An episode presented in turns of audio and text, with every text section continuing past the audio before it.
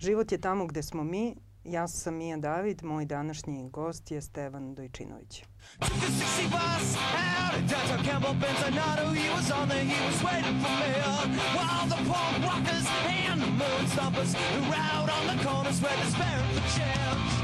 Started thinking, you know, I started drinking. I don't really remember too much of that.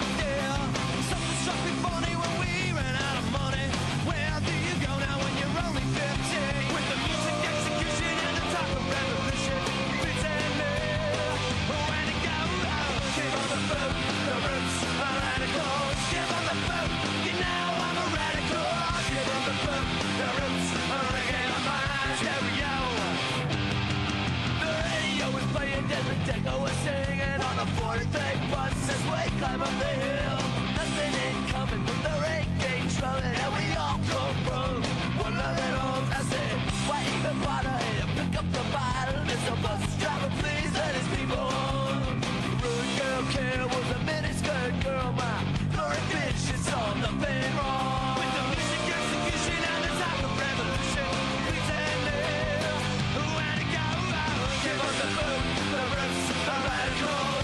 left boat.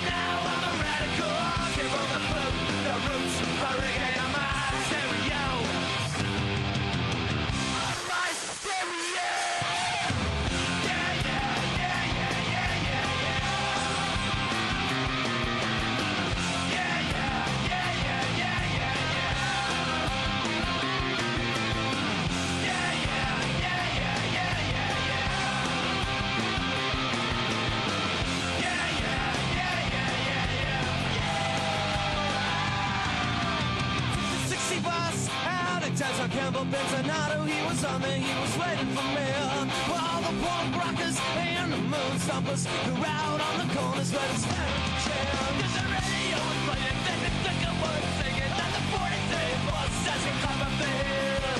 Good girl, was a miniskirt girl. But blurry it's all nothing wrong. With the music execution and the talk of revolution. And pretending when it go out. Give 'em the boot, the roots the boot, you know I'm a radical. Give 'em the boot, the roots are reggae on my stereo. Give 'em the boot, the roots are radicals. Give 'em the boot, you know I'm a radical. Give 'em the boot, the roots are reggae on my stereo.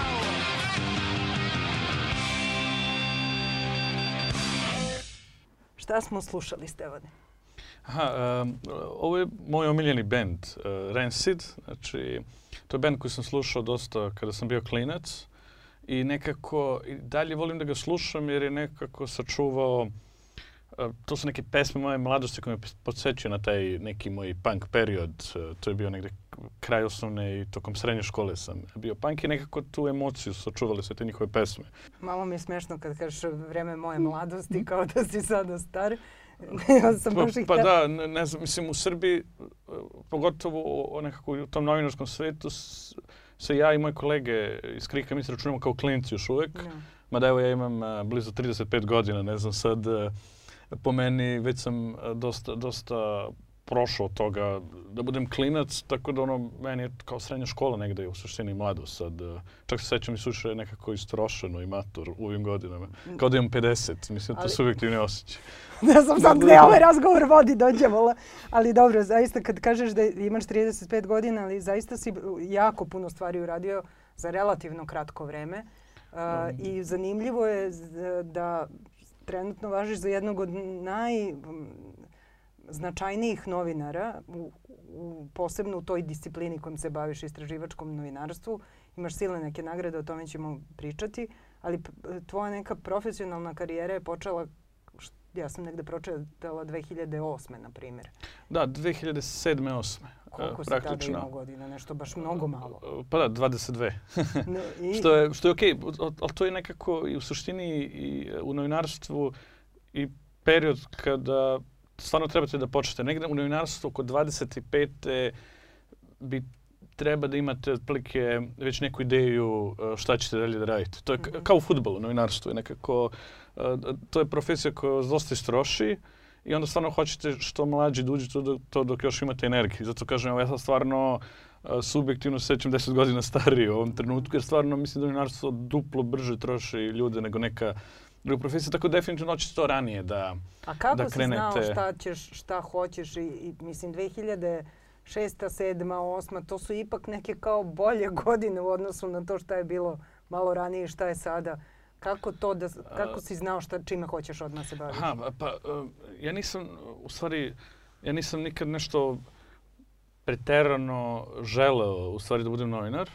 Mada, jako zanimljivo, ja sam uh, opet, kad se vratim, kad sam bio klinac, što znači to, ajde, početak srednje škole, uh, sam se isto bavio novinarstvom, ali sam nisam bio toliko svestan toga, jer tad sam bio deo uh, punk scene uh, i onda sam uh, pravio ove fanzine. To su kao neki punk magazini koji sami napravite, intervjuisao sam bendove, zvao drugare da pišu neke recenzije albuma i onda sam ono praktično fotokopirao i prodavao tu po ovim zemljama u, u kojima se priča istine, da, u regionu. Uh, uh, tako da to jeste bilo neko novinarstvo, tako sam kao ja učestvovao u toj punk sceni, ali nisam to nekako doživljavao kao novinarstvo. I praktično posle toga, kada sam završio srednju školu, nisam nikakvu ideju da to upišem, nego teo sam, ne znam, dobro, u srednjoj školi su mi dobro išle predmeti poput, ne znam, sociologije, onaj, ustav i prava građana, što smo imali istorija, to su neke stvari koje su dobro išle i onda sam vidio da mi je najlakše bilo da upišem uh, političke nauke.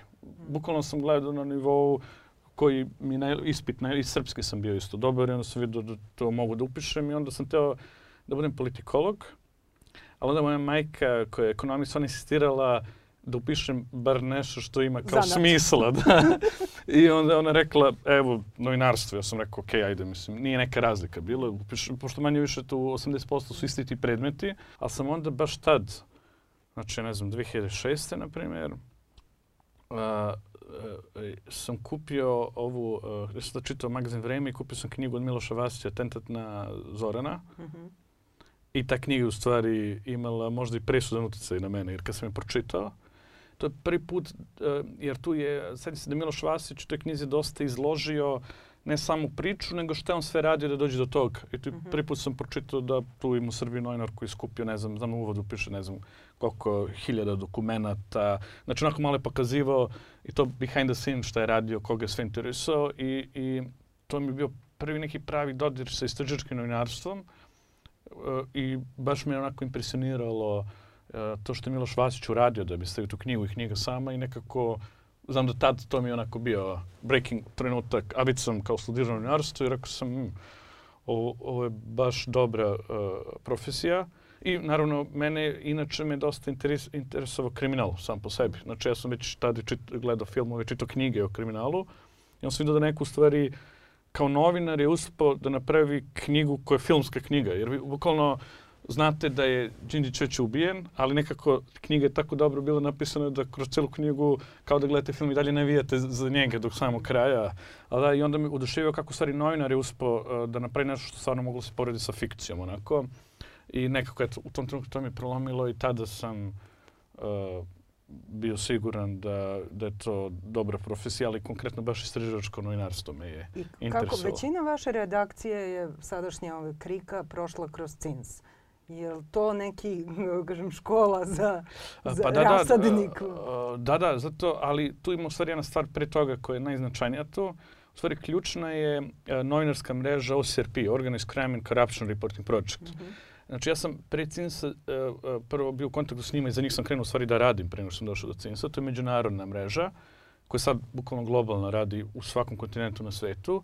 Tad, to je bila, znači tad 2007. kad sam ja krenuo sa njima da radim, bile malo manje, to je, samo su radili u okviru Istočne Evrope u tim zemljama.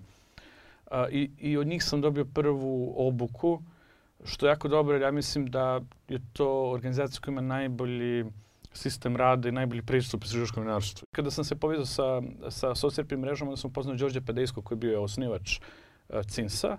I tada CINS je praktično bio samo on. Uh, I to je bila neka kao sekcija NUNS-a koja se bavila obukama istraživačkom novinarstvu i onda smo seli zajedno i, i ideja je bila da napravimo istraživački tim. I onda su polako dolazili novinari. Samo da kažemo za, za slušalce, CINS je skraćenica od Centar, Centar za istraživačko novinarstvo, Srbije. Da, da. da. E, I onda je napravljen e, prvi istraživački tim gde su uglavnom su mladi ljudi sa fakulteta dolazili, e, kojima smo mi dali onda obuku i koji su ostali tu da rade. I neki od tih ljudi su dan danas u Cinsu i, i ono što smo radili, mi smo praktično uzeli taj sistem rada kako ta mreža u Srbiji radi i praktično ga samo copy-pastovali u Srbiji. Znači, uh, iako vidite stil način na koji uh, Cins i Krik rade je skoro identičan. Mislim, mi smo kao secirali kako se radi. Mm. To je ta, u stvari ta američka škola istraživačkog novinarstva koja je potekla iz OSRP-a. Kako si se onda osamostalio? Zašto si se osamostalio? Uh, vratit ćemo se u stvari, ili ajde da kažem, kako, da, da, da te pitam kako se biraju teme, jer čini mi se da ta tvoja veza sa ovaj, zanimanje za kriminal je neka neka linija koju u stvari vučeš pa, od početka. Da, uh, mislim, ja sam od uvek bio, uh, se jako interesuo za organizovani kriminal. Znači, od uvek. Znači, od kad znam za sebe, bili su zanimljivi. Ok, obožavao sam horror filmove, ali pored toga, ono, serije filmove o kriminalu. Ono, sećam se, jedna od prvih serija koja me fascinirala iz mladosti je bila ona italijanska Hobotnica, tako se zvala. Ne mogu sećam, baš ona neka stara kema. Bila, bila je baš ta serija popularna 90-ih. U svom slučaju, to me uvek onako interesovalo jako i praktično istraživačko novinarstvo mi je bila profesija da ja mogu dalje profesionalno da se bavim time s ove druge strane pozitivca, ali da, negativca. E, naprimjer, ja nisam nikad toliko preterano bio inter, zainteresovan za korupciju. Ok, mm -hmm. ako, tipa moj ceo razvoj karijere, sve negde tu do osnivanja krika, što je, znači, skoro 10 godina, ali da, 8 godina, sam se ja samo bavio organizovanim kriminalom. Znači, sam bio poznat po tome što sam istraživao grupe koje se bave švercom droge, moj rad o Darku Šariću, Napisao knjiga, knjigu, da. da. da. E, međutim, i to je nekad stvarno bilo mnogo popularnije u Srbiji. Ljudi su to mnogo više pratili. Mhm. Među nekako, uh, posle nekoliko godina nakon dolaska SNS-a na vlast, jedan put vidim da i čitoci, publike, svi mnogo više postaju zainteresovani za korupciju jednostavno. Dobro, ali ti I, si onda, upravo pokazao tu vezu između da, organizovanog kriminala da, i politike. to je bio moj da nekako pristup, da uvek nekako, jer to je nekako taj neksus koji postoji u Srbiji, oni su neodvojivi, ali jeste da smo malo kroz krik krenuli više da se bavimo i samom korupcijom, tako da malo više i ove koruptivne poslove razotkrivamo. To je cool, ali ja sam još uvijek, dan danas još uvijek mnogo veći fan. Da, da, da. I evo čak sad razmišljam malo jer smo imali tih par godina, krik u suštini za njih 3-4 godine najviše poznat po pričama o korupciji, u suštini mnogo više i sad baš smišljam malo kako da vratimo uh, uh, kriminal, ono, make crime great again. Tako da, uh, stvarno pokušavam da razmišljam... Informer će volati da, ovu rečenicu. da, da, jer ono stvarno, ali stvarno baš gledam, interesovanje dosta opalo za te, to što rad, nekako mnogo je više postalo prihvaćeno. Ono što mi najviše brine, ljudi su mnogo lako prihvatili ovaj serijal ubistava koji se dešava u Beogradu. Mm -hmm. To je stvarno drama. I ako sećamo, uh, posljednji put kad se to desilo, što se sad dešava ovih godina, da ima lako učestvala mafijaška likvidacija u centru grada, to je bilo uh, u periodu uh, pred ubistva Đinđića. To je onaj period kad je zemunski klan čistio konkurenciju. Tada je stvarno bilo čak -hmm. manje ubistava nego sada, ali sećam, u tom periodu tada to je bila nekako mnogo veća drama. Sad nekako uh, ljudi su potpuno nekako ogooglili na tu stvar i stvarno uh, sad kao smišljam kako malo više ljudima da pokažemo kako stvari kriminal direktno utiče njihovim životima, malo bi trebalo da se brinu i za to. A kako, kako se odlučujete za teme? Mislim, prema kažem, ličnim afinitetima uh, redakcije ili... Pa, pa ne, ne, da je lično, evo mi smo samo radili, ali da, kriminalce. Pa dobro, možda se ne pale svi na kriminalu. da, da, to, je, to jeste, ali baš... Uh, ne, uh, Pa u suštini e, ne biramo mi mnogo tema. Jako malo tema mi izaberemo, nego uglavnom što se desi ili uh, nam neki, uh, preko nekih izvora saznamo za neku priču koju da mi istražujemo ili nekad nam nešto građani dojave. Tek jedan mali broj uh, se desi tako što mi sednemo pa I po osjećaju. Da, da, po osjećaju. Otplike, kao kažem, evo, na primjer, um, ne znam, jedna od poslednjih stvari koje smo objavili uh, je ovaj, o vezama ove firme Millennium Team i brata Siniše Malog. Znači, tu jednostavno, ako imate takvu firmu, kao što je Millennium Team, to je jedna od ključnih kompanija u Srbiji koja skoro sve tendere dobija vezano za gradnju. To je firma koja gradi Beograd na vodi, stanove za državu i tako dalje. Dobija stotine miliona evra, bukvalno. Mm. Tolike poslovi. Sad, jednostavno, uh, jako teško zamislivo da tu ne postoji neke koruptivne veze da se otkriju za toga. Znači, ne, ne postoji način da je tako neka firma, da su neki ljudi koji su potpuno nepoznati, znači to nisu neki biznismeni sa nekim pedigreom, ranije uh, da nisu negde povezani s ovima i onda mi, na primjer, možda nekad tako sednemo kao u tom slučaju, kažemo, ok, ajmo da iskeniramo u firmu 100%, postoji neko koji gura iz, iz politike i nešto može da se dokaže. U nekim slučajima tako, nekad nam neko nešto dojavi i uh, meni samo bitno da držim otprilike jednomesečno objavimo jednu istraživačku priču, to nam je neki, to što nije lako. Jer u suštini se to radi... To je užasno da, napet ritam. Pa da, da, jer jedna priča se radi od 4 do 6 meseci. No. Da. E, I onda, a, i onda sad u suštini samo u pitanju urednika da lepo izmiksa, tako da uvek imamo jednog novinara koji završava, objavljuje, mm. tako da se samo lepo rasporedi. Evo sad smo uspeli, mislim da u prve godine smo stvarno uspeli lepo da uhvatimo ritam, tako smo do ovog trenutka imali svakog meseca po jednu Kako kažeš zaista da je nešto spremno da se objavi? Ka, kada kažeš dosta smo istraživali? Jer mislim, pretpostavljam da može da se radi beskonačno. Da, priča može se radi jedna tri godine. Ono. I svaki da. novinar bi želao da ima što više vremena. Uh, I onda je na uredniku u stvari da to iseče. Da. Inače bi objavljivali jednu priču godišnje. A onda ne bi imali nikakvu posetu, jer tek kad smo krenuli malo redovnije da dobijamo priče i stavljamo vesti, mi konačno pravimo i, i publiku na sajtu i to ne želimo da izgubimo. Da? Tako da suštini na uredniku da procene. Sad, ono što ja radim, mi uvijek radimo, na primjer, e, kada krenemo u istraživanje, znači mi se sa novinarom dogovorimo šta nam je minimum i maksimum priče.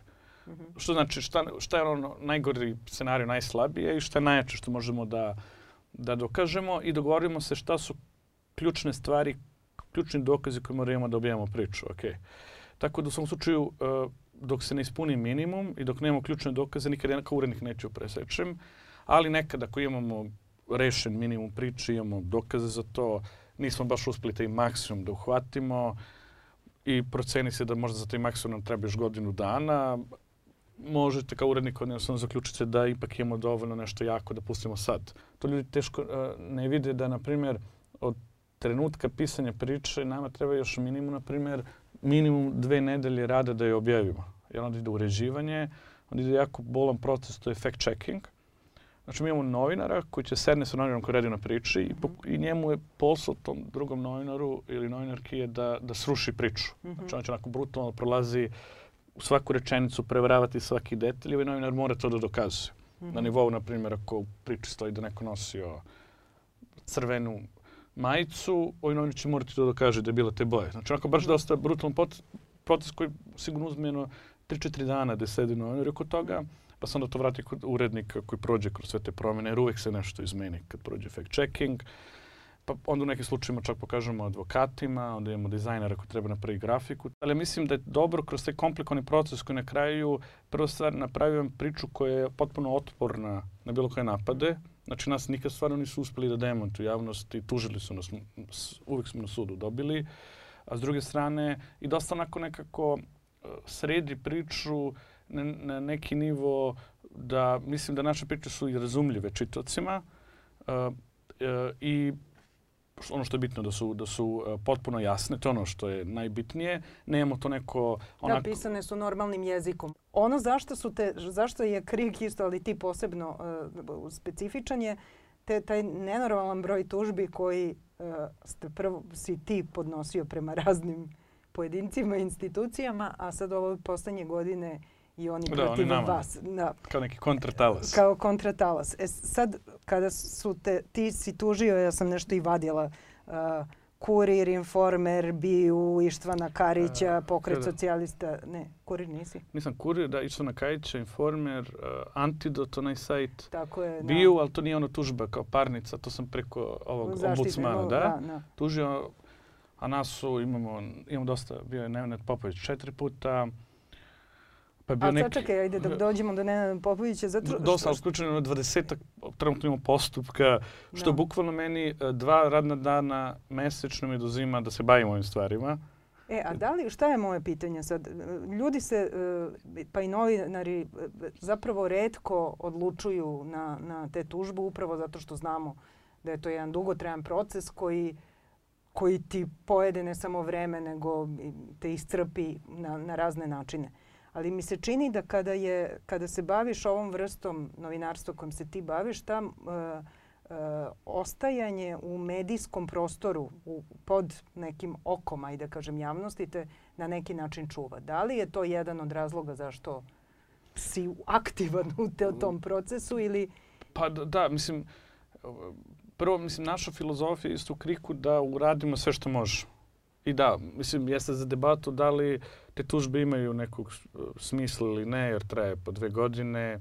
Na kraju, u najboljem slučaju će dobiti 800 evra neke nadoknade, niti će taj, uspri taj list da povredite, to nije nima neki novac, ali ja mislim da uvek treba da se uradi sve što može i na kraju dana mislim da je dobro na kraju imati napismeno, kao što u slučaju Informer imamo znači, mm. presude, jasno kaže da sve što su objavili da je laž koju je sudija donela pravosnažnu presudu, daje nam isto malo tako vidljivosti, jer mi mm. objavljamo, ne u svim slučajima, ali često i objavljamo i ljudi to čitaju, stvarno prate te kao šta se ali, dešava. Da li misliš da to sad, pošto vi ste trenutno, vaša redakcija, čini mi se najugroženiji novinari u, pa- u Srbiji, pa verovatno. Pa mislim da mislim teško je naravno o tome da, sad da, govoriti mislim na taj da su, način, ima postoje ste... novinari na lokalu koji stvari možda da ovde za Beograd, ali mislim da često u stvari su ugroženi novinari, ali to možemo kasnije na da. lokalu, jer to je mnogo je opasni komplikovani u stvari raditi u tim malim sredinama. Ali dobro, to, to možemo... Ali e, čini mi se da ljudi ni ne znaju dovoljno u kojoj meri u stvari e, ste, kako kažem, bili praćeni, prisluškivani i, i sve što ide uz to i da je to jedan način života sada koji, kako se sa tim živi? Pa, pa to je mnogo, mnogo komplikovano zato što i, u stvari niko se ne bavi s, s novinarima iz tog Google. Znači, nema napravio neko savjetovalište gde mogu da dođu novinari i mnogo je teško to vidljivo u suštini, mnogo je lakše, ne znam sad, neko da ne napiše neku pretnju, pošalje preko socijalnih mreža ili neko da vas napadne na ulici i, i za ljude da razumeju to, a mnogo je teže u suštini ti stresovi kojima su novinari izloženi svaki dan i koji stvarno dugoročno krenu da vam prave neke ozbiljne probleme. Znači, jednostavno, ako se živite u nekom stanju paranoje svaki dan za četiri godine, vi ne možete skroz da budete, vidi, da. izađete odatle. Naprimjer, ne znam, evo, meni uh, imam, dobio sam bukvalno ono, kako zove, psorijaza mm. na, na noktima, što je kao jedna od posljedica stresa, zato što jednostavno svaki dan i tu najviše imamo problema sa tim uh, obaveštenim strukturama, pre svega, ne znam, biom, jer u smislu, ne mislimo sad će oni nekog da pošalju... Da te ubiju, da, jasno, da, ali... ali vi ste stalno izloženi nadzorom koji i sad tu ima hiljadu rizika. To, da li će otkriti vašeg izvora, da li može neko da naškodi vašem izvoru, što je ključni stvari problem sa novinarima, možete da sakrijete te ljude.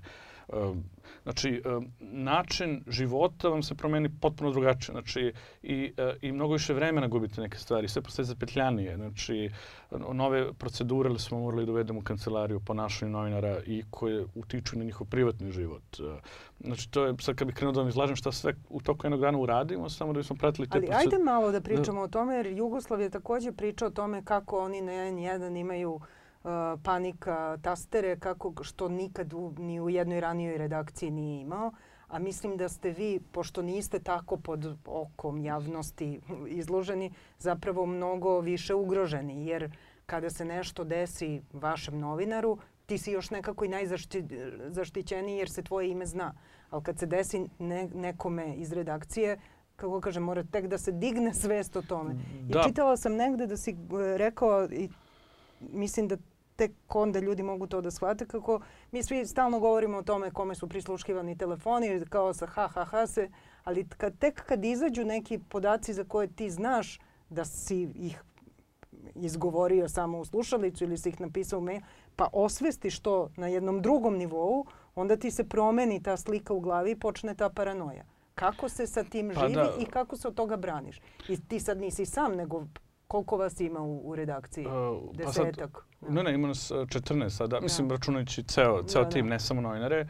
Uh, da, mislim, meni kao urednik opet najveća mi briga za novinarima.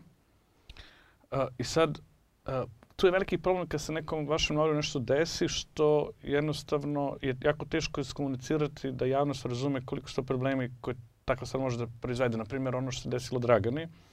Dragana Peć je jedan naših najboljih istraživačkih novinara. Uh, I sad ako stavite u njenu situaciju i znate za ovaj slučaj da su njoj da. upali u stan, I nisu uh, ništa ukrali, da, što je jas, jasno da. da je poruka. Mislim. I to je, ja mislim, svaćeno kao ok. Mislim, hmm. upali u stan, kao sad to je, ne znam, dođeš kući, upališ šta, kao, on me kao neko bio, nije bio, onda sve. Okay. I nekako doživljeno je poprično onako uh, banalno, a sa druge strane, to, je, to, uh, to, uh, toliko ima ogroman efekat na nečiji život da je to u stvari nevjerovatno kad bi gledala sa te strane. Jer ako uzmete sve okolnosti, znači u tom trenutku ono istražuje poprilično nezgodne priče sa nezgodnim igračima, znači pričamo ljudima koji su svet organizovanog kriminala, i da se desi nešto što jasno mi razumemo kao poruku koju je njoj poslata, uh, to onako poprično ima e, e, zastrašujući efekat na, na tu osobu, ali takve stvari su mnogo teško da se iskomuniciraju. To je problem zato što nemaju tu baš kao naš nije napad na povređen, nekog ljudi su mnogo lakše, a u suštini ne znam čak i da vas neko na ulici udari je mnogo banalnije od ovog. Naravno. Da, znači, Ovo je direktno zastrašivanje da, i raditi na psihu. Da, da, ima mnogo i, i, i, i jednostavno, pošto Rani s Dragonom dosta smo pričali oko toga, to je dosta uticalo u tom periodu, periodu na nju. I uh, meni žao što uh, se neko malo više time ne bavi ne, na primjer, uh, se bolje ne skomunicira koliko u suštini uh, taj stres šteti novinarima, uh, a taj stres u stvari proizilazi upravo iz ovih pritisaka koji stižu od strane države na ove neke onako malo subtilnije načine. Um, znači, jednostavno, sedite, ručate i vidite upadljivo da se neke osobe uh, slikaju ili prate na ulici, te kuće, mislim, i ako se konstantno izložite stvarima, to se često dešava, uh, ako onda morate se baviti time, onda vi njih tajno morate da uslikate, onda mi morate se bavimo time da utvrdimo ko je to. I nam uvijek, uh, u stvari, ključ, uvijek ključna stvar kod toga da vidimo da li, da li je ono, regularna stvar, tipa država nas prati ili možda, pošto mi su neki kriminalci. Kako kažeš da je to regularna stvar kada znamo da je država da. isto? Ali nažalost, na, nažalost jeste, nam se to često desi. Znači često se desi da uh, mi, mi to sad ne objavljujemo zato što s jedne strane... Ne, mislim, ok, regularna, razumem, hoćeš da kažeš neki sistem stoji iza toga, ali s druge strane i znamo slučajeve kada se država obračunavala na taj način sa svojim neistomišljenicima. Nije se jednom desilo. Da, da, ali šta ćete raditi državi? Mislim, uh, i to se stalno nama, jedno mjesto što dešava, ne znam, Uh, uđem u kancelariju, sedim sa, sa Draganom. Bi da stradaš od bije ili od organizovanog kriminala? Da kažem, organizovanog kriminala je jednostavno... I da li ima razlike između te dva? Pa nije, država te crpljuje, to je suština priče. Na dugoročno te uništava i crpljivanjem, a kriminalci jednostavno jednokratno te mogu napadnu i da, može najgore prođe, a država još ima te kao sobstveni način da te konstantno crplje. I stvarno, svake godine smo sve u težoj poziciji što tiče rada, a sve teže objasniti uh, tu poziciju. To je, ali, a vi stalno vidite te signale i onda, viš, to ne znam da li smemo da objavimo, da će nam kaže smo ludi ili ne, ali evo ne znam, skoro uh, uđem u kancelariju sa jednim Draganom, Uh, I tad smo pripremili ovu priču za Predraga Malog, uh, mm. brata Sinše Malog. A pre toga baš nepovezano. Imali smo par mjeseci prije toga smo imali priču o Vučićevom bratu Andriju Vučiću koji je sedao sa Zvonkom Veselinovićem. Ja kao šalu kažem tu Dragani, e kao još nam fali da imamo neku priču o... Da ih poveže. E, ne, ne, još da imamo priču o bratu Ane Brnabić, pa možda primamo kao mini projekat Tri brata. Znači, to je kao neka šala. Posle par dana Vučić znači, gostuje na, na Pinku, i to možete da vidite, imamo taj snimak, i on kaže, najavi priču koja još nije objavljena. Znači on, on je znao i on kaže evo spremi nešto za brata Predraga Malog, zamisli on ima brata, pa ono kao no. cinično, bar kao strašno ima brata. I onda kaže baš hoće da rade nešto kao tri brata. I bukvalno lik citira naziv. Znači šansa da je sad on kao lupio da, da, je da, nula. Da. kažem, I to su događaje, sam, sam dao jedan primjer nečega što na svake dve nešto uhvatimo, da jedan put na neki čudan način neke informacije završavaju na nemoguć način. Znači informer je u jednom broju, pustimo i razgovor, e sad ne znam da, da ga imenujem ili ne, ali pričam sa kolegom iz drugog medija, razgovaramo telefonom, bez ikog uh, u okolini, jel da? Uh, I ja njega pitam, uh, pošto je postala ta ranije priča da je Vučićević, uh, urednik informera, da je radio sa Zemunskim klanom. Mm -hmm. I sad taj kolega je nešto, on stari novinar, mislim stari, nije mnogo stari od mene, ali se bavio Zemunskim klanom ranije. Ja ga pitam, e, si nekad došao do nekog dokaza o tome? I on kaže, ne, ne, nikad nisam dokaz, postoje te priče, ali nisam čuo. Sutra dan, bukvalno sutra dan, znači pričamo sutra posle 24 sata, u Informeru ceo razgovor.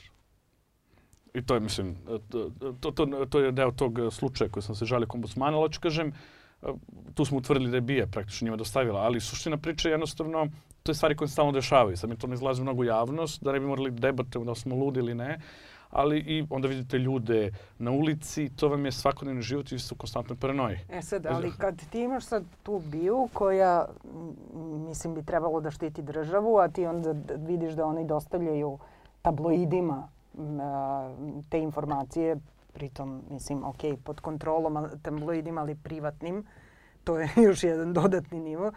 Kako, kako za tebe su lično iznosili tvoje privatne fotografije, razne stvari? Kako uopšte, sad jasno je kad se baviš ovim poslom, zaboravi na privatnost. Da. Ali kako se živi tako da sa, kako uopšte možeš da sakriješ nekakvu privatnost i da li možeš da sakriješ? Pa ne, ne možeš. Ja sam, na primjer, jedan deo teo kao, mislim, niste da sakrijem, nego neke stvari koje sam radio sam mislio da su poprilično bizarni i kontroverzne u Srbiji.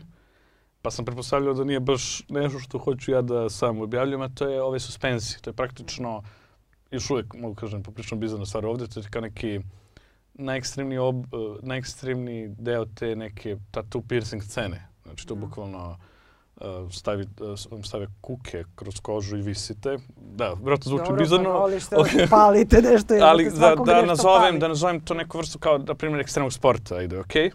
Uh, uh, u svom slučaju, i na primjer ja sam razmišljao, ok, nisam mislio da nešto, nešto što treba da prestane zbog novinarstva, ne radim da ništa ilegalno, ni, ni, no. mislim, zakon zabranjeno. S druge strane sam uvijek razmišljao, nije baš nešto sad da kao da idemo okolo i da pokazujem na socijalnim mrežama. Jer... Svako od nas ima deo života koji mislim, želi da zadrži za sebe. Da, ne, da, ne, ne znači nužno da se bavi, mislim, a na kraju krajeva kako kažem i da se drogiram, to bre moja stvar, koga briga. Pa da, mislim, ja sam to stvarno mislio kao nešto, to je bio neki ideja te privatnosti koji sam teo da ostane van oču javnosti. No. Nažalost, uh, bije je to uh, ok, što, i nije neka situacija koju si stvarno mogu da sakriješ, ali da, jer te stvari se rade na više nekim grupama. ljudi, da. Da, da, nije to kao otvoren događaj za javnost, ali uvek tu se skupi neka ekipa, deset, desetak ljudi koji to rade. Uh, jer ljudi koji to rade, nema ih baš u Srbiji, to uglavnom dođe iz inostranstva, jer je to mm. dosta uh, malo kompleksnija stvar od toga. Nekog. Koliko te povredi A? to kad tako izađe u javnost? Mislim, ka, pa to te mnogo,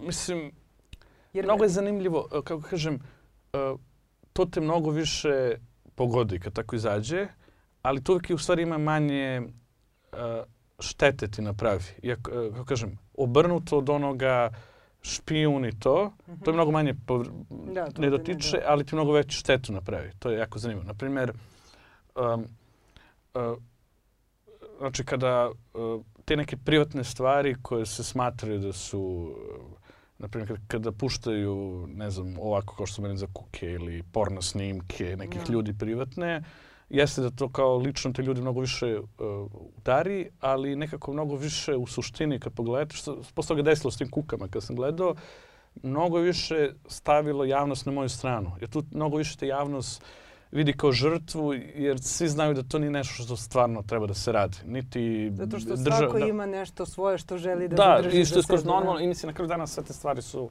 okej. Okay. Mislim, da. ono, i nisu nešto, i mislim da, uh, hoću kažem, mislim da baš to što su te stvari gurele su mnogo više stvari prekrenule na moju stranu, jer tu su ljudi bili baš, mm. ovo je baš ispod.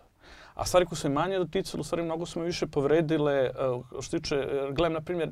Ono kao da si sa fra francuskim atašeom, špijun, to... Špijun uh, i sve te stvari, jer to sam primijetio, jer čak i u mom komšiluku, u, mom rodnu, u Kruševcu, dakle sam i, i ljudima koji me znaju, vidim da tu već se malo, ljudi su na pola. Znaš, i, znaš, oni će kažu, ok, ljudi koji me znaju od malena... Je, da, ali kao ovo nije. Okay. Pa ne, ne okej, okay, nego, ne, kao, ima, kao ima tu još nešto, neću im kažem, jer njima kažem otvoreno, nema tu nikakve misterije. Mislim, da, ne radim za ciju, ali da, imamo donacije, sve javno, sve, ali nekako tu opet uspeju malo, ipak ljudi koji ne zapituju. A za ovo za kuke, jednostavno tu se svi slažu, to je baš bilo jadno, nisko, nisu trebali. Tako da, jako čudno. A s druge strane, to mnogo više tebe povredi, da, jer ti nekako povredi ti u suštini taj osjećaj da ima nešto što ti kao teo da sačuvaš za sebe, što imaš prava kao da sačuvaš ispod i što mi ne radimo. Znači, mi nikad, a imali smo takve stvari, znači, uh, mi, na primjer, jer e, to je jako zanimljivo, znači ljudi koji su objeljili e, te stvari iz našeg privatnog života, oni nas optužuju kako mi to radimo njima, a mi smo toliko uh, detaljni i precizni da mi, uh, jer ovo kao dirate nam porodice, te stvari, znači mi to toliko izmerimo sve dok ne mere da li to ima neki javni interes. I nikada u našim pričama ništa nismo objavljivali što se tiče privat, domena privatnosti što ne dokaze neku korupciju. Mm. Okay, znači, isključivo ako je u vezi ali čini sa time. mi se da sad malo idem off topic, ali da zapravo postoji među političarima neko nepisano pravilo da se iz tog segmenta afera seksualnih i to da se o tome ćuti. I da su i najljući protivnici, kako kažem, nisu prelazili tu stranu ponekad nešto ispliva to kao kad je ono, ne znam, Vučiću bila bolesna žena, Tadić, ljubavnica i sve to. Ali da kao napadamo se na raznim nivoima, ali kao ima jedan deo gde se ne diramo. Pa da, to je među njima, ali... Uh, no. Zato što, mislim, svi oni imaju neku svoju prišu, jel da? No. I onda jednostavno gledaju da jedne i drugi ne napadaju na nekom nivou gde ne bi želili oni da budu nazad. No.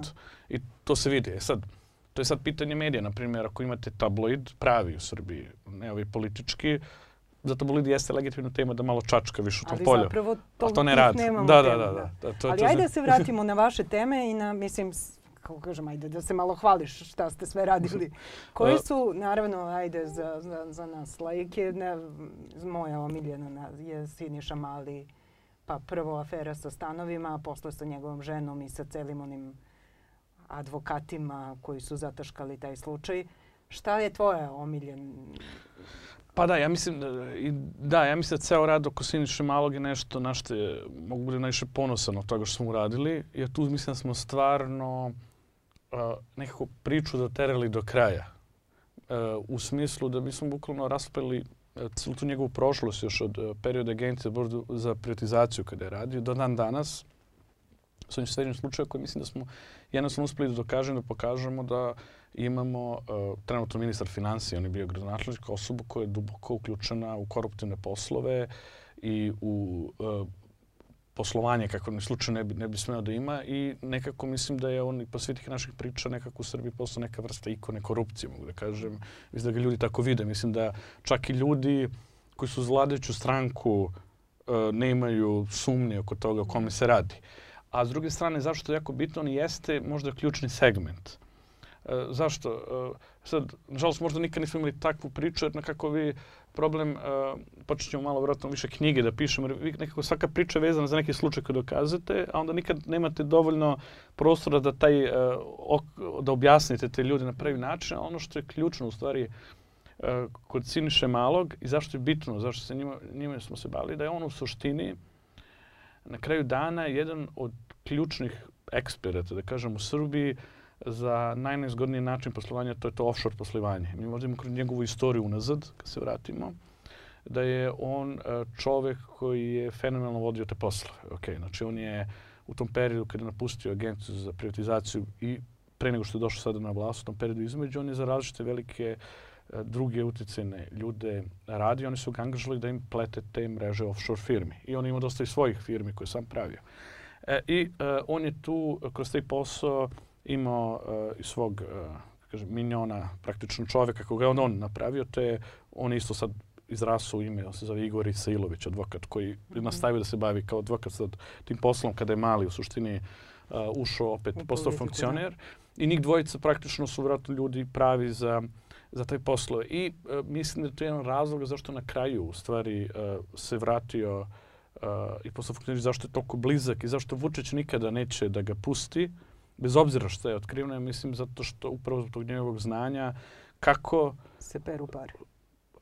E sad, to ja ne smijem baš da ja kažem do, do, do kraja, mada čak u slučaju je pitanje... Ja se bavim kulturom, da, ja ne znam, ja to da, sam da, ovako. A, ali mora kažem, na primjer, da je, na primjer, uprava za sprečavanje pranja novca i agencije za borbu korupcije su iznale stav da je u mm. pitanju pranje novca, da se čovjek time bavi. I stvarno, jedan od poslova koji smo našli njegovi je stvarno sa svim stručnicama koji smo pričali su rekli da to je jedan knjiški primjer pranja pare. On je bukvalno jednu bezvrednu firmu u Srbiji da je bio vlasnik, prodao offshore firmi i naplatio pola miliona evra, što je nevjerovatna mm. cifra za to i mi smo kasnije utvrdili da on stoji iza te offshore firme. Što znači on je napravio jedan lažni posao da bi negde... Ali preba... ako je on u tome tako vešt, kako se onda takav čovjek procesuira? A, pa ne može nikako, nije, nije nikako. procesuiran i Ali pit, kako se ti osjećaš kad sve to razotkriješ i, kako kažem, ništa na kraju? pa uh, uh, Jel osjećaš da si ti svoj posao uradio pa kao nema veze? Ili... Ne, ne do kraja, ne do kraja. S tim što ja, ja nisam opterećen time uh, da li će njega da na kraju da uhapse ili ne. Mm. Uh, to je mislim da je, nije skroz naš posao. Ja mislim meni žao što nema malo više nekih nevladnih organizacija u Srbiji koji su baš ono, koji se baš bave tim uh, uh, go- kažem, gonjenjem, odnosno da Mm. malo više uzmu ove istraživačke priče koje mi kolege iz drugih redakcija objave pa da pokušaju nešto pretvore od toga. Što se naš kao novinara, nama je da ispričamo priču. I mi smo, mislim, da objavljenim pričama smo praktično završili naš posao. Ono što, zbog čega ja nisam skroz srećan je nekako što vidim da, i to je strašna istina, ali nekako svaka sledeća priča daleko da je sve slabija. Da. A, ne samo zbog institucije, nego mislim da i posle svih tolikih priča da građani postaju malo više naviknuti na korupciju i manje reakcije čak i kod čitavca pravi. Što je skroz logično, jer vi očekate države da ima posle neki sistem nešto uradi, onda mislim da su ljudi digli Zapravo ruke. postoji Tog. zasićenje. Da, i- jer kad smo objavili ono za 24 sata u tom periodu, tad je baš bilo moćno. Mm. To Mm. tek, tek smo krenuli da otvaramo. To je bilo Ali to je, kad ti pogledaš, iako nije to davno bilo, to je zapravo bilo drugo vreme. Jer posle tog rušenja u Savamali postoje neka potencija. Da, e, i to sećam, to je mnogo više. Da, da. Ništa, E, da, sad su svi jednostavno ništa ne može promeni i mi objavimo, ljudi su da, ovo je cool, priča sve, ali vidim da su svi već digli ruke i nekako to, to mi se ne sviđa. Nekako deluje mi da naše da priče sad koliko da su dobre, mi smo baš dobre priče objavili ove godine, ali one su bile mnogo manje uspešne nego ranije. I stvarno izvlačite neke likove koje ono, zaboraviš da postoje od Lazanskog ili... E da, ne- Lazanski, to bilo cool. Da, ne mislim koji, jasno ti je da nisu glavni igrači, nego ti je prosto bizaran taj...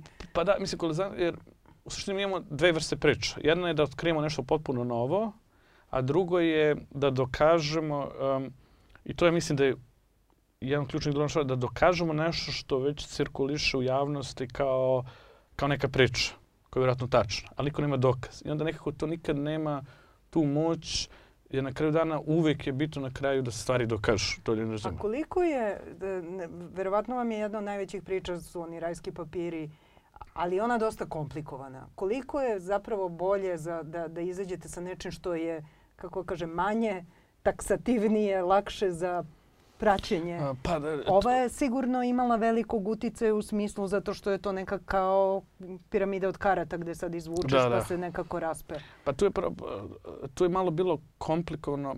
e, Šta je to komplikovano? Znači, tu je jako zanimljivo. Tu sam vidio veliku razliku između ovo kako je ovde i kako je u svetu. Mm. Znači, e, e, priče koje izašle iz rajskih i panamskih papira. U svetu sama činjenica da je neki ministar povezan sa offshore poslovanjem je toliko se smatra nemoralnim da ga u startu diskvalifikovalo. Znači, nisu ni u svetu sad otkrivene neke priče koje su razkrili neku kriminal, ne znam kakav, već e, samo činjenicu su otkrili za premijera Islanda ili za druge ljude koji su na vrhu da su bili povezani sa offshore poslovanjem ih je potpuno diskreditovalo iz javnosti. E sad, u Srbiji je nekako se svelo na to, pa šta što ima offshore firme, pa šta je, Pa što to nešto samo znači loše, da je ne? sposoban, ako je sposoban za sebe, bit će Da, sposoban. da, ali bukvalno za- tako da živi. Znači, Mm. ta, to kao, i onda je malo bilo čudno, jer način na koji su stranci na zapadu prosvede priče, kod nas, ovde nama nije upalilo, Da. uh, jer samo to po sebi što ima offshore kao nije bio big deal. Pa šta? Ali što oni ne razumeju da to jeste najveći problem. Jer mi, ako uzmemo, na primjer, mi- uh, ministra Nenada Popovića, ok, uh, to bilo da, da ta priča objavlja negde na zapadu, možda mislim, znači on je ministar u ovoj vladi, pre toga je bio u parlamentu, donosio čovjek zakone. To je čovjek koji posluje preko offshore-a sa ciljem, znači on je pravo novac ili tako nešto, ali on je baš, baš onako klasično ono, posluje preko offshore-a da bi što manje poreza platio ovde. Da. I on je čak sebe prijavio kao rezidenta u Švajcarskoj, znači živi u Srbiji, a rezident je tamo jer tamo može manje plaća porez. Znači imate ministra čovjeka koji je bio u parlamentu nosio zakone koji su mišljaju način kako da manje plaća porez ovde. I sad negde u svetu, da bilo gde na zapadu bila ta priča, to bio kraj, jer je bilo kao ovakav čovjek jednostavno ne zasluže. Nemoralan. Da. On vas je tužio puno puta. Da, četiri puta. Ali smo ga dobili sve. Upravo sad uh, pišemo vest, mislim ću objaviti, sad smo zvanično sve četiri tužbe smo uspeli da dobijemo. Tako, ali to je bilo ogroman bol da se prođe kroz sve. Bukvalno, nevjerojatnu energiju nam je uzelo. I mi smo u suštini gubitnici tu na kraju. Mislim, okej, okay, šta je on izgubio? On je izgubio nešto malo troško što je platio advokate. Mi smo kao na sudu dokazali smo pravu, ali kad se pogleda sve vreme koje smo bacili na to, žao mi ali to ne, mislim, sutra će nas tužiti neko drugi, to ne može da se izbegne. Ali to je stvarno epizoda u kojoj uvek se izgubi. Znači, kad ste tuženi, vi ste uvek izgubili na neki način. A, ajde da spomenemo još neke, Vulinom ste se bavili, uh, je li tako, tetkom iz Kanade? E, da, Vulin je bila priča jako cool. Zašto? Ona je bila suprotnost od ovoga malo čas pananskih papiri, da imamo mrežu, 500 firmi, 100 miliona dolara. Mm. Popuć, ovdje je bilo jednostavno, znači pričamo o jednom stanu koji je kupio ministar, u nekog novca koji je dobio u džaku i koji ne bi jasni razlog. I ta priča stvarno pukla jer ja mislim da govori jednim potpuno jezikom koji građani mogu da razumeju. Jer je baš ovako tako mala korupcija. Ja nisam fan takve priče, sam uvijek za veće, ali mislim da takve priče baš se vidio, mogu imati mnogo veći utica i zato što ljudi, kao i ovo sad za kola i za predraga malo, takve mm. stvari ljudi kad vide to jedna kola stan, mnogo se liše vežu i zato mislim dosta je ta priča dobro prošla, a i zato što on dao jedno potpuno nevjerovatno objašnjenje s, s tom tetkom iz Kanade, to je bilo nevjerovatno, tako da to super prošla ta priča. Ali ono što je jako cool je bilo nakon te priče uh, uh, kako je tužiloštvo ishendlovalo taj slučaj. Oni su pokrenuli istragu, znači oni su kao pokrenuli i mi smo bili kao ok, šta ću raditi, onda su, na, i onda su brzo zatvorili istragu.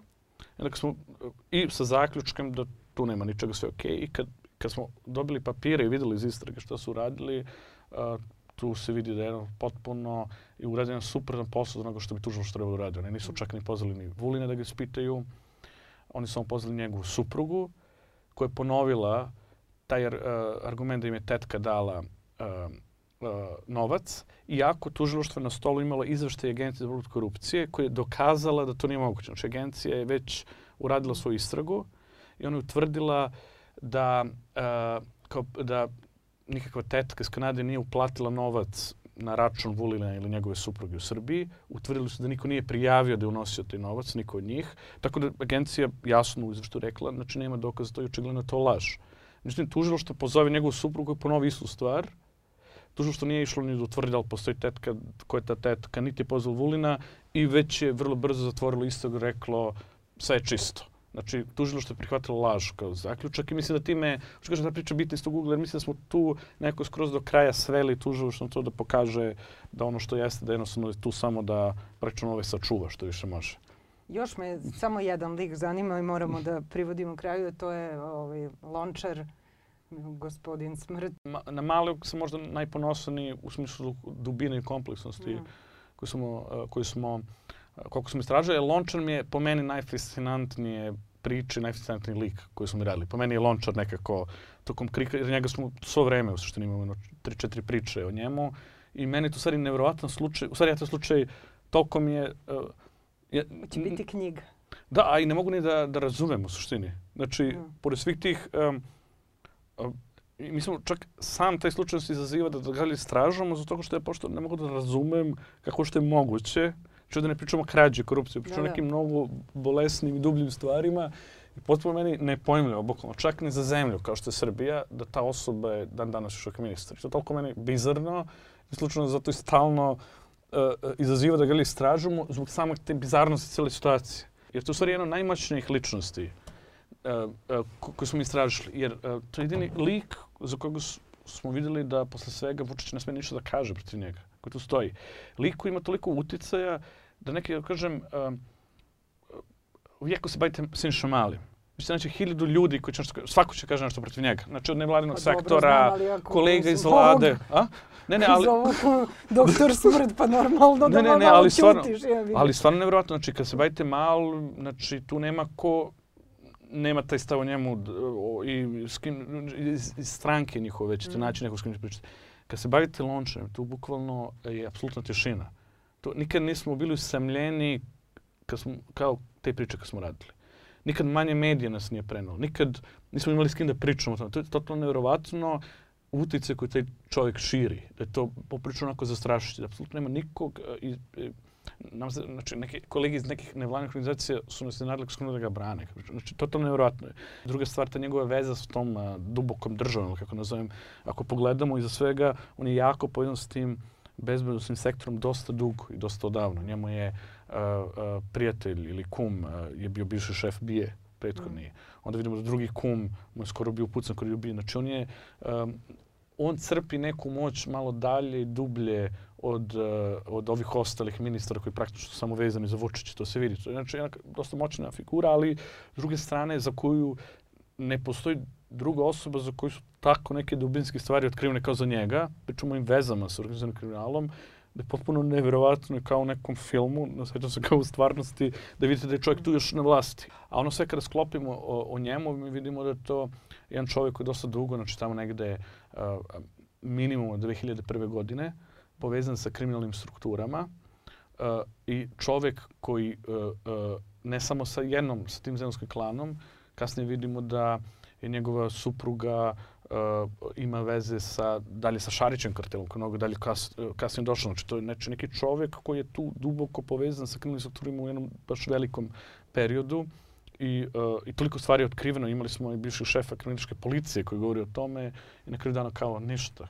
I to mi je stvarno, ne znam, ta priča me baš uh, fascinira. Mislim da se to otkriće mnogo ozbiljnija, mislim, i korupcija, naravno, je uh, poprilično ozbiljna stvar, ali ako već uđe tu baš u neke kriminalne stvari, uh, uh, mislim da je ove pri, priče o Lončaru su mnogo dublje i mnogo onako strašnije i time malo onako bizarnije koliko ono je dodirljiv. Znači čak svi, čak i mali je morao da plati na neki način uh, nešto malo, neku Vučić udario pecku pa ga je pomerio s gradonačelnika na ministra financija. Jedini lik koji je potpuno netaknut do kraja, 100% od svega što smo objavili. A, znači, mogla bi pričamo 8 sati, ali to čak ni u ovom internet prostoru nam ne daju. Ajde za kraj da spomenemo gomilu nagrada si dobio. Ja baš sam bila iznenađena, nisam sve znala. Uh, I one su vrlo različite. Nekako kao mlad si dobio ovaj, Jug Grizelj koja je jedna značajna nagrada, verovatno kad si bio si najmlađi da. dobitnik. Dobio si i ovu nagradu za etiku, um, kako se zove, Dušan Bogavac, za etiku i hrabrost, pa si dobio Duška Jovanovića. Dobio si i razne međunarodne nagrade. Uh, Kakav je ovo osjećaj i šta, ima neka nagrada koju bi želeo? No, uvijek je dobro dobiti tako priznanje, ali da, jer to, to je u suštini potvrda od struke da radite dobru stvar. Uh, druga stvar, da, nagrade su dobre i za fundraising, to i donatori, uh, donatori vole. Sada sam dobio sam Night Award, to je jedna od najprestižnijih američkih nagrada za živačko novinarstvo. I u novembru uh, idem u Washington gde gde treba da mi uruče tu nagradu. Mm -hmm. I to će biti čak, mislim, nevjerojatan događaj. To, naprimjer, to je poprilično onako velika uh, stvar. To će biti neka uh, večera gde, gde će biti u suštini predstavnici svih utjecanih medija iz Amerike. Mm. I znam da tipa ne znam koliko hiljada dolara košta, tipa samo 100 da se zakupi, jer je to kao neko ono donatorsko veče. Uh, uh, I evo već sad imam tremu za govor koji treba pripremiti. Znači moram 7 minuta tamo da držim govor i sada moram 7 da ga smišljam i to je na primjer poprilično onako velika stvar i to je mislim možda jedna od najznačajnijih nagrada koje sam dobio. Pogoršat će ti se pa mislim nije jednostavno, bukvalno to ono govor koji treba njima pošaljem da pogledaju pa ću ga čitati vjerojatno sa onog. Znači onako i tu će sedeti svi, svi bitni ljudi.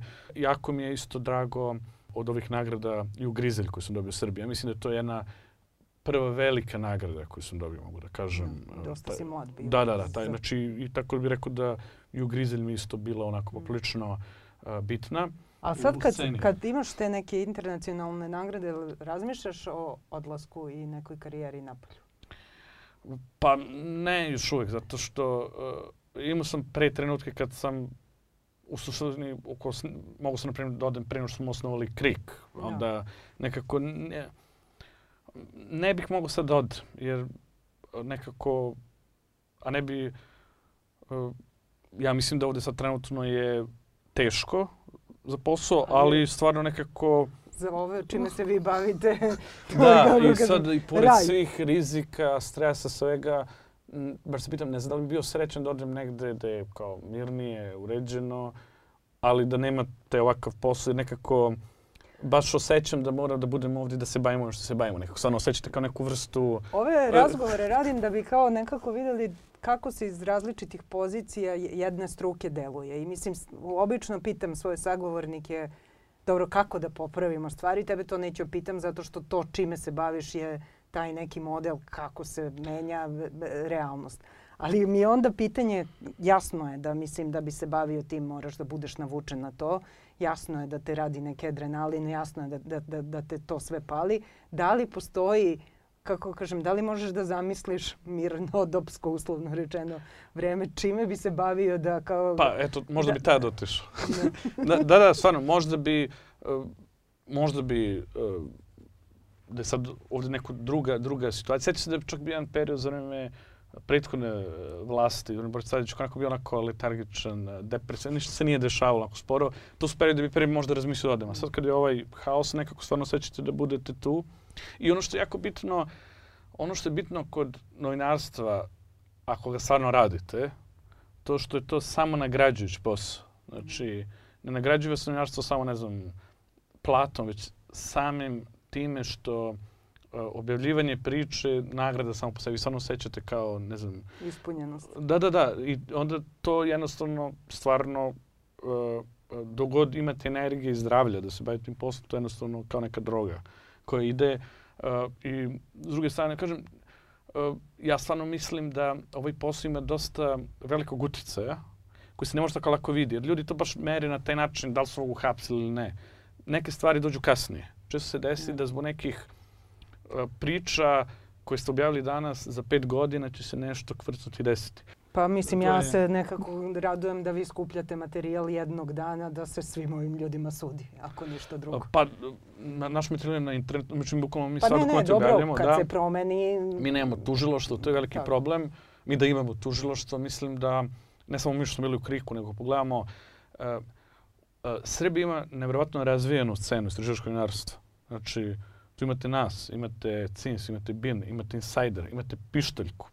I, ima još nekim drugim redakcijama još. Znači, jednostavno, i toliko priča, baš sam gledao koliko u toko jedne godine se objavi dobrih priča koji dokažu korupciju. Znači, toliko ih ima. To je nevjerovatno. Znači, bukvalno, samo na osnovu priča koje mi kolege objavimo, tužilo što može po 20 predmeta pokrene svake godine, a ne pokrene jedan. Ono što je bitno da su, kako kažem, neki krivično delo, neki kriminal je zabeležen i zaštićen da ne nestane u istoriji. To je bitno i možda će sutra dan da se sudi tim ljudima. Znači, stvarno da nije bilo novinara, danas se ne bi znalo slučaj sa male, bukvalno. Novinari su i uh, Saša Janković, ombudsman, isto yeah. odradio onaj izveštaj, ali mi toga mislim da je bilo jako ključno to što su novinari gurali tu priču i onda je policija makar ništa nije uradila to istreze, ali makar zvanično otvorena. Uh, slušali su neke svedoke. Jedan od svedoka uh, koji ispričao policije kasnije umro, ali bar postoji mm. zapisnik u policiji što je rekao. Kažem, neke stvari su sačuvane od zabora. I da, nisu uhapšeni ljudi koji su rušili, ali bar znamo da tamo stoji.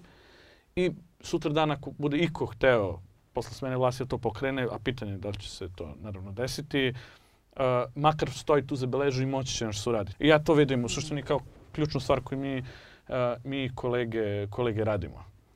Uh, hvala ti mnogo. Ja se nadam da ćemo mi ovde imati priliku da nam bude toliko dobro da te ispratimo u neki svet. E, e, hvala vam, ali to mora bude baš dobro. Pa dobro. Jer evo ja baš mislim nešto, nisam, nisam siguran čak ni Vučić kad padne, kogod da dođe sledeći, da će bude naravno, sjajno. Zato i kažem. Tako da, niko... da uh, hoćeš da nam kažeš šta slušamo ili će to bude iznenađenje? Uh, pa pošto sam otvorio sa, sa mojim omiljenim uh, bendom, uh, uh, punk bendom i u suštini većina mojih uh, bendova koje slušam su punk, uh, rešio sam da zatvorim s nečim malo totalno drugačijim, tako će biti moja omiljena stvar uh, Massive Attacka, Paradise Circles, ali iz razloga iako nisam neki veliki fan Massive Attack, ali ova pesma me skroz fascinira zbog uh, atmosfere koju pravite. Meni kao jedna od najboljih atmosferičnih pesama ikad. I onako ima neku tu mistiku i ponekad čak uh, uh, uh, je i slušam dok pišem. Jer često mi u suštini mm. kada, uh, ako mogu što se pričam, to je zanimljivo, znači često kada tekstove pišemo, mm -hmm. mi onda uzimamo uh, određene neke pesme, ja, ja puštam i onda ih slušam dok pišem. Jer mi to pomogne da napravimo neku atmosferu. Znači, mm -hmm. na primjer, ako jer svaki tekst je drugačiji, da sam kriminalac neki thriller ili neka misterija ili neka korupcija, tako da par puta, na primjer, pod utjecajem moje pesme sam, sam neke stvari ono, pisao ili, ili sređivo neke tekste. Baš me raduje, Mesiva Tek je moja najomiljenija grupa. E, super. hvala ti puno. E, hvala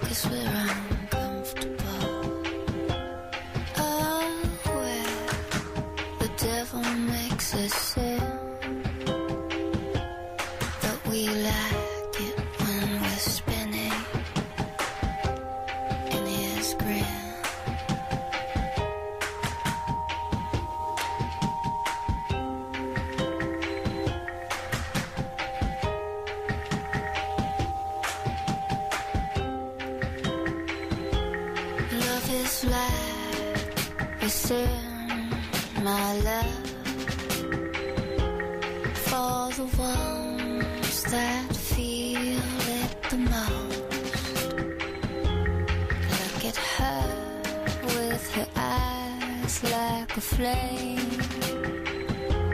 She will love you like a flame.